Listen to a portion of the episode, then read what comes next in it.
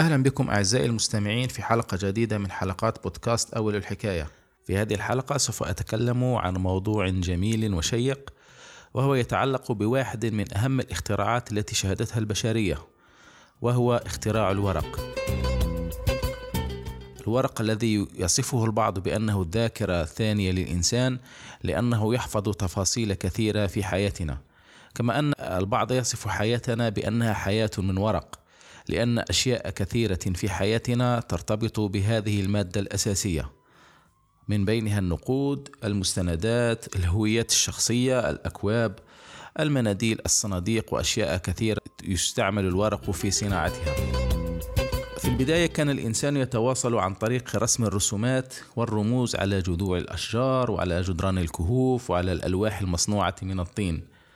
ولكن الصعوبة التي كان يواجهها الإنسان كانت تتعلق بعدم القدرة على نقل هذه الأشياء بسبب ثقلها وكبر حجمها.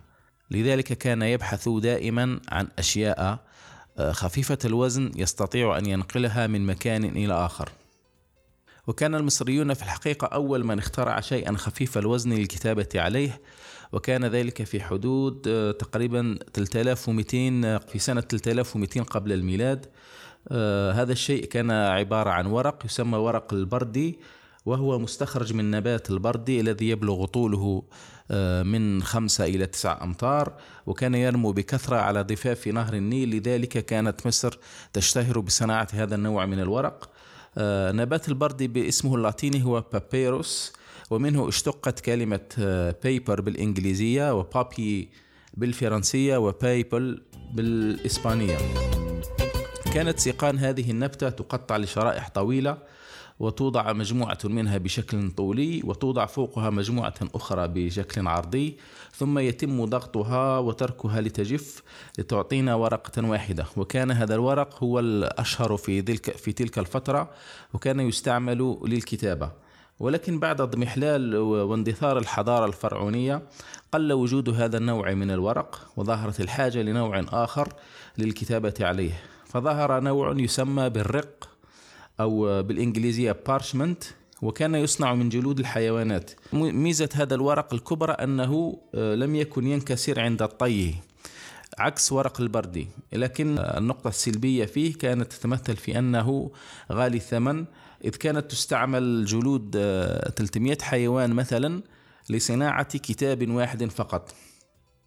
بعد ذلك آه، استعمل الصينيون القماش للكتابة عليه خاصة آه، قماش الحرير وكان ذلك قبل حوالي يعني أكثر من ألفين سنة تقريبا.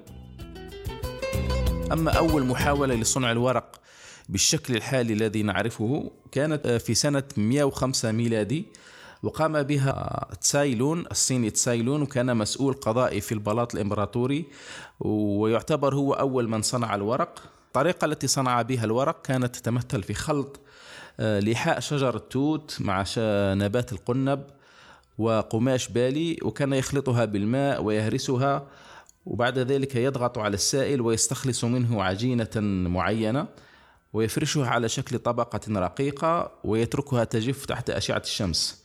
كما أنه توصل إلى طريقة أخرى تتمثل في طلي هذه الورقة بالصمغ أو الجيلاتين المستخرج من الحيوان ولذلك ليمنع انتشار الحبر على ورقة عند الكتابة.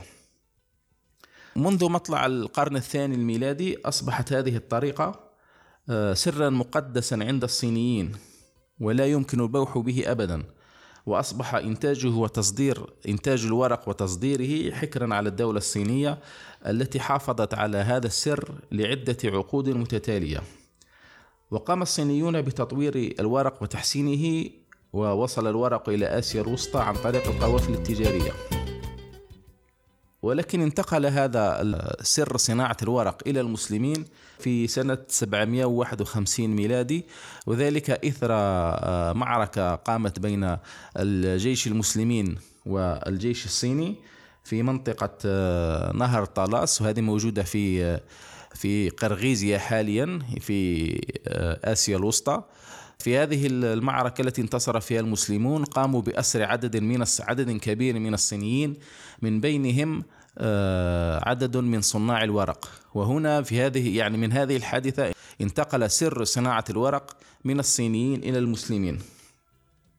وفعلا أمر والي سمرقند بإقامة أول مصنع للورق في العالم الإسلامي وبعد ذلك انتقلت صناعة الورق إلى بغداد وأقيم أول مصنع للورق في بلاد العرب في سنة 794 ميلادي. وأقامه الوزير آه، يحيى بن الفضل البرمكي وكان ذلك في عهد الخليفة هارون الرشيد. ثم انتشرت صناعة الورق بعد ذلك في مختلف أنحاء العالم الإسلامي. كان الورق يعني الورق الذي يصنع بالطريقة الصينية في عهد الدولة العباسية كان يسمى الكاغد. وهذه الكلمة هي أصلها فارسي وحاليا ما تستعمل هذه الكلمة مثلا في الجزائر. يعني يطلق على اسم الورق أحيانا اسم الكاغط. الكاغط. هذه كلمة متداولة في الجزائر وهي من مستقى يعني من كلمة الكاغد وهي كلمة فارسية. بعد ذلك ومن بغداد بغداد مثلا اشتهرت كثيرا بصناعة الورق. كان فيها أكثر من مئة محل لبيع الورق. كانت الكتب سرعان ما تجد طريقها إلى أبعد مدن في العالم الإسلامي. وبعد بغداد انتشرت صناعة الورق بشكل كبير في جميع أنحاء العالم الإسلامي فدخلت مثلا مدن مثل دمشق ودخلت إلى طبرية في فلسطين وطرابلس في الشام ومصر. وفي الحقيقة برع العرب في صناعة الورق واخترعوا النشا من دقيق القمح وأضافوه للورق لزيادة مقاومته ولتقويته أكثر. كما أنهم اخترعوا طواحين لصناعة الورق كانت تستعمل أساسا قوة اندفاع الماء لتشغيل هذه الطواحين وحلت محل الطواحين اليدوية التي كانت تستعمل سابقا. وانتقل هذا النوع من الطواحين إلى أوروبا وظلت تستعمل هناك إلى غاية اكتشاف قوة البخار. في القرن 18 ميلادي وبداية الثورة الصناعية التي ظهرت فيها المحركات البخارية. عند العرب أيضا كان الورق الذي يصنع في الصيف أغلى من الورق الذي يصنع في الشتاء لأن الورق الذي يصنع في الصيف كان ورق أبيض وأملس آه، لأنه كان يصنع أساسا من القطن والكتان.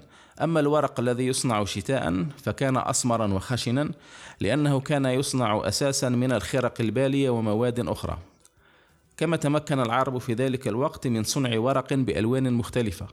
كانوا يصنعون الورق العادي وتضاف إليه أصباغا مختلفة ليعطينا ألوانا متنوعة. بعد ذلك وصل وصلت صناعة الورق إلى الأندلس عن طريق المسلمين وأقيم أول مصنع في أوروبا آه، في إسبانيا وكان ذلك عام 1150 ميلادي. بعد ذلك وصلت آه، صناعة الورق إلى دول أخرى. مثلا في فرنسا أقيم أول مصنع في عام 1250 ميلادي في مدينة تروا ثم أقيم أول مصنع في إيطاليا عام 1276 وبعد ذلك بدأ ينتشر في كل أنحاء أوروبا. وفي عام 1690 تم بناء أول مصنع ورق آه، في أمريكا في ولاية بنسلفانيا حاليا. أما بالنسبة لمصانع الورق الأمريكية فإن الطريقة التي كانوا يعتمدون عليها هي الطريقة الصينية. وهي باستعمال الخرق والملابس القديمة وتقطيعها إلى ألياف. وتستعمل هذه الألياف في صناعة العجينة الأساسية لصناعة الورق. ولكن مع تزايد الطلب على الورق تحولت هذه المصانع إلى استخدام ألياف الأشجار لأن الخشب كان أقل تكلفة من القماش. بالنسبة لأقدم المخطوطات التي نعرفها والتي صنعت من الورق آه، يوجد مخطوط عربي آه، هو كتاب آه، غريب الحديث. وهذا الكتاب طبع في سنة 866 ميلادي. أما من الوثائق الأوروبية أو أول الوثائق الأوروبية المكتوبة على الورق فكان عبارة عن عقد آه، للملك روجر الصقلي وكان ذلك في عام 1102 ميلادي. كانت هذه قصة الورق من البداية. أرجو أن تكون قد أعجبتكم. إذا كانت قد أعجبتكم فلا تتأخروا في مشاركتها مع من تحبون.